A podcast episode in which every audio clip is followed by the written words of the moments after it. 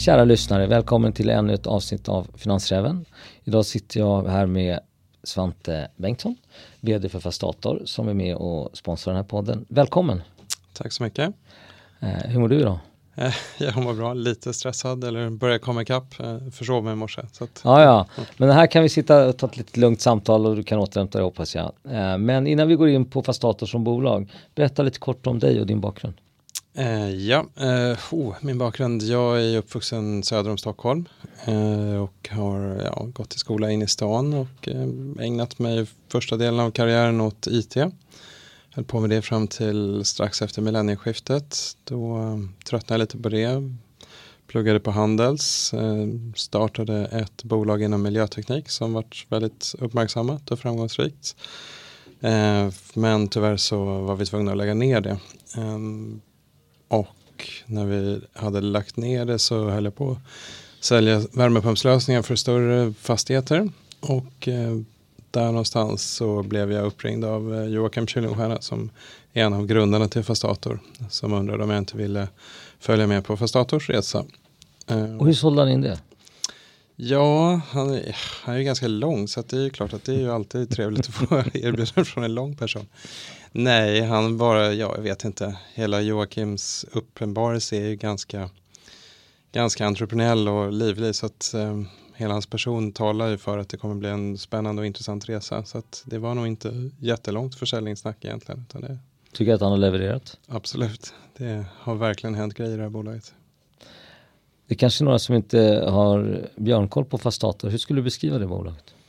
Ja, men Fastator är ett eh, investmentbolag inom fastighetssektorn och det som skiljer oss kanske från fastighetsbolag är just att vi bygger nya bolag och sen så när vi tycker att det fastighetssegmentet är moget då gör vi en avyttring eller så sätter vi det på börsen. Och tanken är hela tiden att vi är en brygga då mellan kapital, erfarenhet och de här nystartade bolagen. Och det vi jobbar med är egentligen då väldigt strategiskt men också extremt hands-on egentligen. Så att vi är ett lite, litet företag, cirka 15 anställda. Det går lite upp och ner men vi har ingen ambition att bli större. Vi jobbar med, eh, vi har ett förvaltningsbolag som heter NPM Group som ligger i koncernen som vi jobbar med för att eh, kunna växa fastighet, eller fastighetsbolagen snabbare. Men eh, ja, vi tillsätter styrelser, tillsätter ledning och eh, ja, som sagt väldigt hands-on. Så, så vad skiljer Fastator skulle säga från om, om man nu investerar till exempel och vill vara i fastighetssektorn? Eh, att köpa Fastator jämfört med att plocka ihop lite egna fastighetsbolag? Mm. Nej, men köper man oss då ska man ju titta väldigt mycket på vilka personer är det som är bakom. Eh, vilka sitter i ledning, vilka har grundat och vilka sitter i styrelsen. För tanken, vår USP ska ju vara att vi ser stora förändringar i samhället.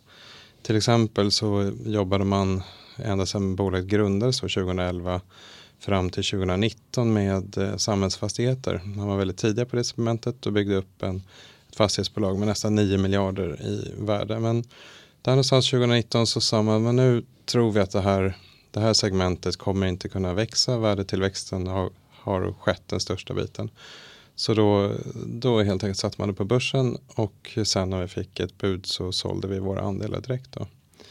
Och det, ja, med facit i hand så var det en väldigt bra timing. Och vi gick in i istället i, i um, lättindustrifastigheter i regionstäder. Som då kanske inte är de vackraste byggnaderna. Det finns väldigt mycket att göra vad det gäller miljöaspekten. Men det är som sagt, vi är hands-on så att vi är inte rädda för det.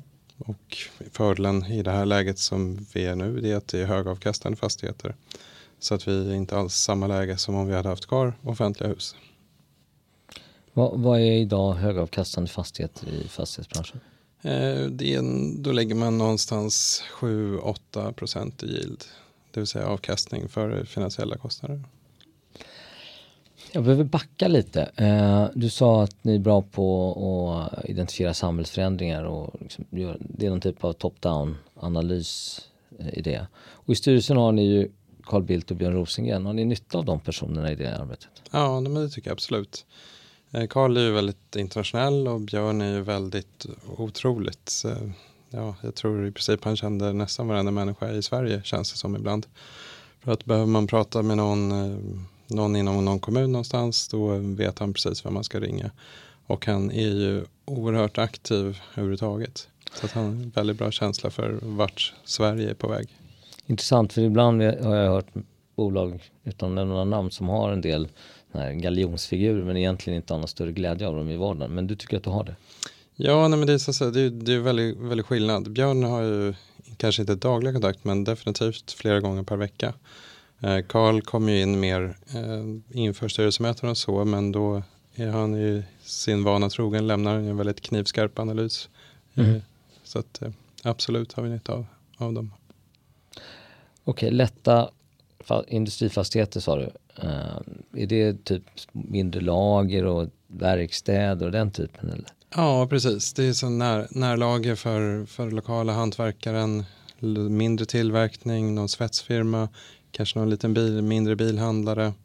De här, bor man i Stockholm kan man tänka Ulfsundområdet, Högdalen, den typen som man kanske inte tänker på om man inte har något ärende dit. Men när man väl är där så inser man att utan de här fastigheterna på så pass stadsnära läge så hade inte samhället funkat.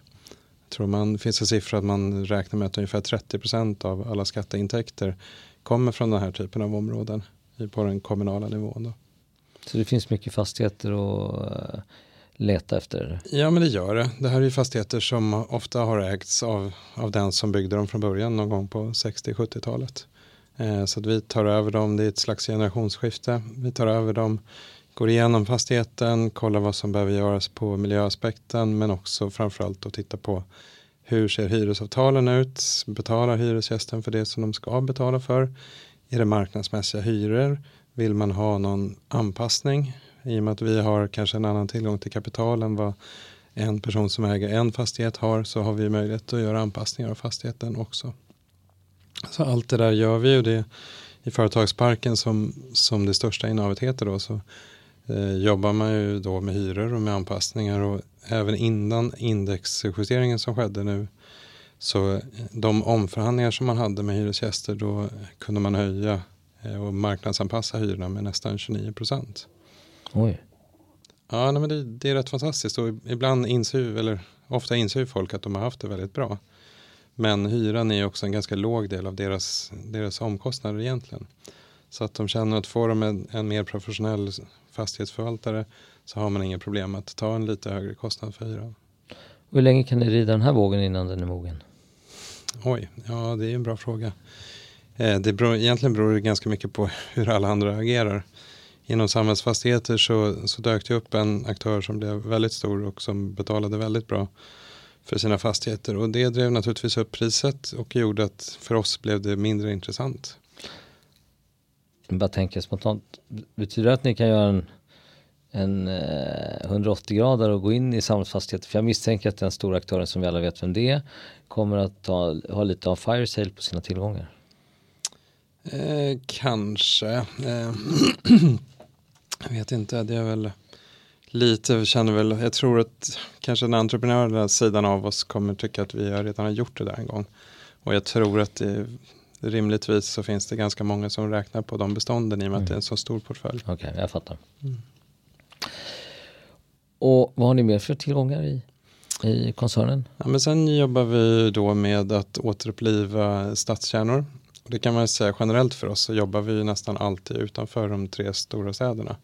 Så vi jobbar i regionala, just efter, regionala städer just eftersom där är avkastningen något högre men de är egentligen det första steget i urbaniseringen så att det är inte någon, någon risk. Det här är orter i tillväxt.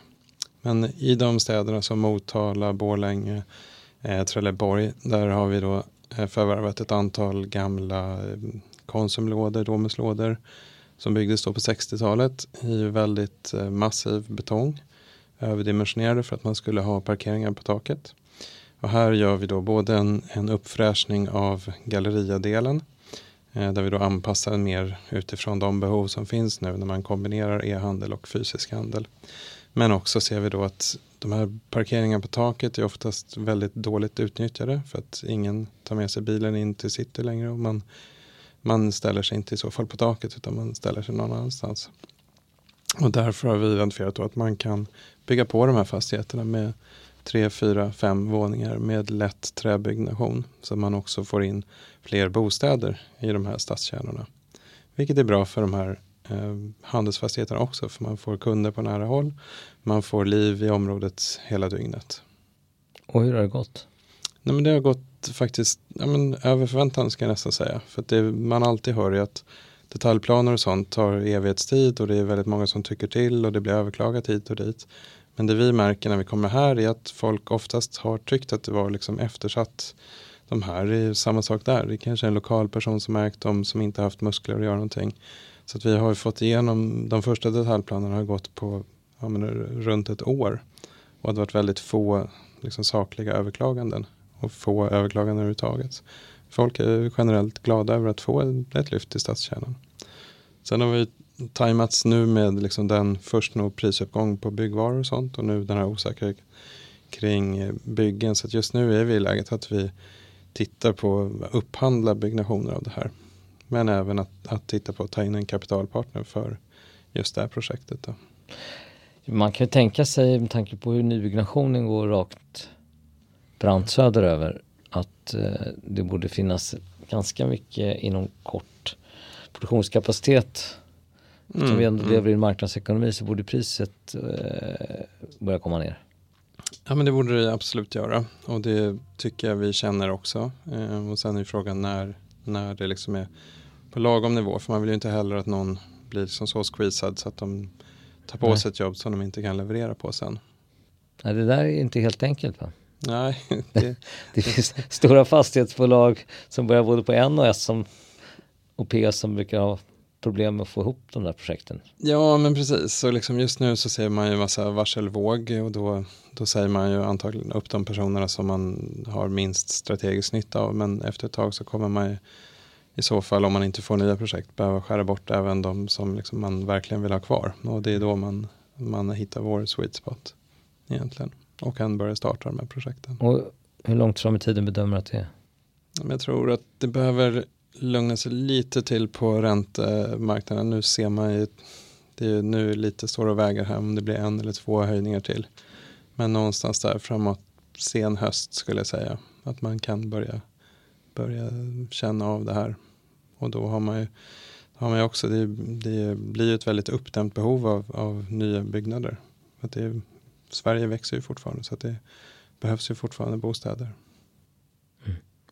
Och, och har ni kommit igång med att bygga på bostäder på de här betonglådorna? Nej, vi har inte gjort det utan vi, vi låg egentligen precis då med godkänd detaljplan, eh, de första offerterna ute och de ja, andra kan det här bättre än vad jag kan men de här eh, konstruktionsritningarna, ja, hela planen helt enkelt, eh, offertunderlaget är ju det är ganska avancerade, mycket dokument helt enkelt som behöver gås ja. igenom för att man ska hamna rätt i i vad som ska köpas och vad som ska levereras helt enkelt. Ja.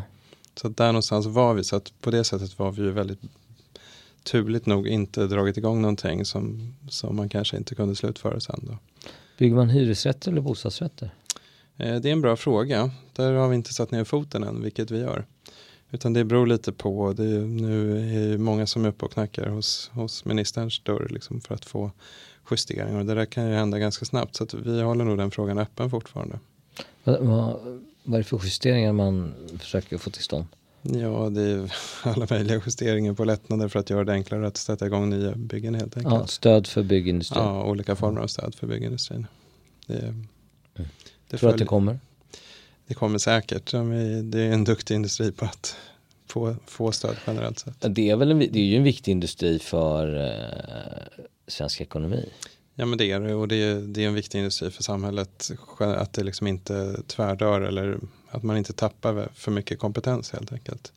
Så man måste, måste hålla igång det på något sätt. Och man nu, nu låter man räntan gå för att, eh, för att få ner inflationen men då måste man hitta andra sätt att, att punktmarkera då. Ja, men så att inte samhället stannar av på, på både det här men även andra områden säkert. Så att det kommer säkert saker från politiskt håll för att lite mota det här. Ja, räntan är lurig tycker jag för att eh, det är inte bara inflationen utan vi har ju hela kronsituationen som är väldigt svår för en stor del av svenskt näringsliv som man inte pratar så mycket om. Det är inte Mm. bara att det är dyrare att resa utomlands på semestern utan vi pratar ju om importföretag som i praktiken får hela sin lönsamhet Mm. eroderad. Nej, det, det är väldigt många, eller många effekter av det här. Och som sagt, men nu är strålkastaren på fastighetsbolagen eh, såklart eftersom vi har en stor balansräkning.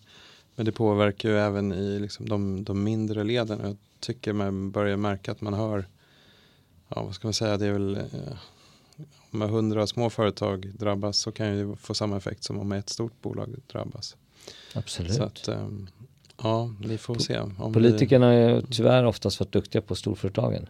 Ja, men det är enklare att hantera. Du har färre personer som Mm. du pratar med och du kanske redan känner många av de personerna för att du träffat dem tidigare.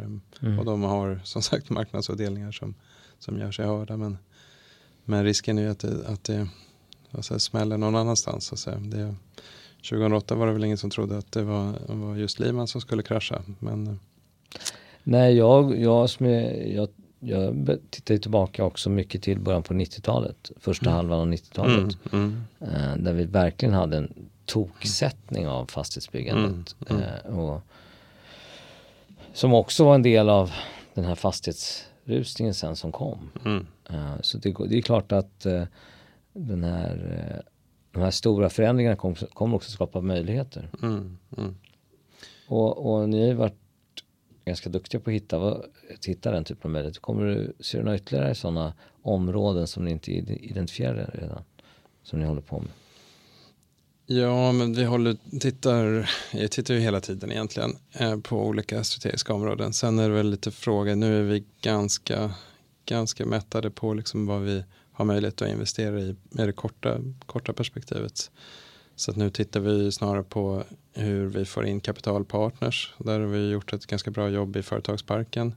Nu tittar vi, nästa grej är ju då, ja, dels ska företagsparken fortsätta växa men sen ska vi också jobba med Point då, för att ta dem vidare. Point, berätta. Ja, Point, förlåt, det är, det är det här stadsutvecklingsprojektet där vi Mm. jobbar då med regionstäder. I, vi har 19 fastigheter i regionstäder eh, runt om i Sverige. Det är en fjärdedel av vår balansomslutning ungefär. Och eh, det är ett spännande projekt och vår affärsmodell är ju just att vi, vi skapar ett embryo, tar det till en viss nivå och sen tar vi in då en kapitalpartner som, som eh, ja, men helt enkelt ser vad vi har gjort, ser vart vi är på väg och som vill vara en del av den resan. Så Lite vi. som ett proof of concept först eller? Ja, precis. Lite proof of concept. Sen har vi offentliga hus som vi gjorde och där vi då både byggde bolaget, kapitaliserade det och sen gjorde en exit. Mm. Så det, det var ju en väldigt bra affär för de som var med hela vägen där. Mm. Ja, inklusive oss själva naturligtvis. Mm. Och det är så vi, nu har vi två större projekt som vi jobbar med. Och i och med att vi inte har för avsikt att bli en jättestor organisation så är det väl ungefär så många större projekt som vi kan hantera samtidigt. Sen jobbar Mm. vi med några mindre som vi tycker är lite roliga. Eh, Svenska kulturskatter som är då en väldigt nischad fastighetsbolag med eh, det är hotell och restaurangfastigheter där vi investerar utifrån att det är en, ja, en, en byggnad med, med historia och en väldigt bra operatör helt enkelt. Finns det möjlighet att skala upp det? Eh, Ja men det tror jag att det finns. För där finns ju också ja, men väldigt många eldsjälar som driver och det finns en hel del generationsskiften som kommer. Eh, Det är ju också det är en lite svängig marknad så att säga, för operatörerna. Eh, Men jag tror också just i med kronkursen att vi kommer se att folk väljer att återupptäcka Sverige så att säga, istället för att åka utomlands. Så, så börjar man leta på hemmaplan. Vart kan jag ta med mig bilen? Vi Mm. pratade elbilar här lite innan podden började. Att resa med elbil är ganska billigt så att man kan ta sig ganska långt i Sverige så att säga, med, med elbil utan att det kostar väldigt mycket för den delen. Men man måste planera lite. Man måste planera lite. Men det är inte så svårt. Jag har gjort det och det, det funkar ganska hyggligt tycker jag. Ja, nej, men precis. Nej, nej, så att vi tror ju på Sverige som, som turist, även för då inhemsk eh, turist.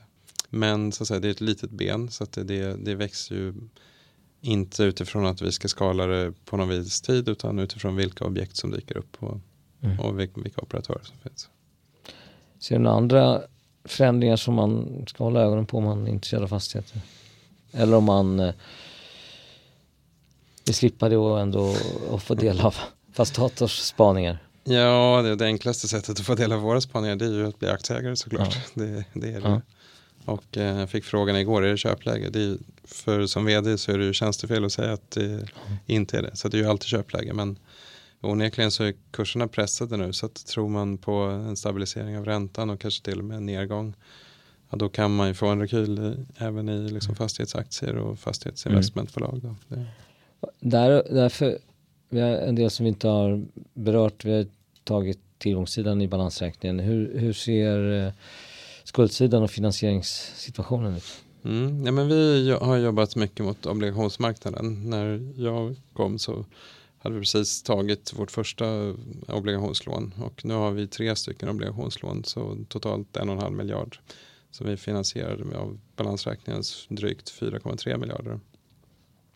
Och de har vi strukturerat så att de förfaller med ungefär en tredjedel varje år. Så att vi har ett förfall som vi ska hantera nu då 2023 och där är är ju utgångspunkten är att vi kommer helt enkelt förlänga det obligationslånet igen då. Det blir lite, det är, eller onekligen är det ju en, en annan marknad nu så att det är mer diskussion. Förut, för ett eller två år sedan så var det kanske ganska självklart. Det var en, en fråga om pris och det var kanske en fråga snarare om hur mycket vi kunde pressa ner räntan. Nu är det väl frågan kanske snarare åt andra hållet då, så att säga, hur mycket kan man hålla igen på förväntade ränteökningar. Det är ju alltid kopplat till Stibor så att det följer ju naturligt räntan men många argumenterar ju för att osäkerheten är större, att man vill ha en, en större, ja, större marginal helt enkelt. Ja, för hur, hur gör, hur eh, gör man för att undvika att de påkallar förfall? Alltså och inte bara refinansiera? Ja, det är, en, det är en förhandling egentligen. Den börjar, ja, vi har jobbat med det ända sedan i våras. Så att det är, som alla förhandlingar så, så börjar man ju, man, man försöker hitta så att säga, vad, vad funkar för oss, vad funkar för Mm. dem. Mm. Eh, träffar de största investerarna, tar ett samtal, ibland jobbar man via de banker då som har varit med och sätta upp lånet, ibland tar man en direktkontakt.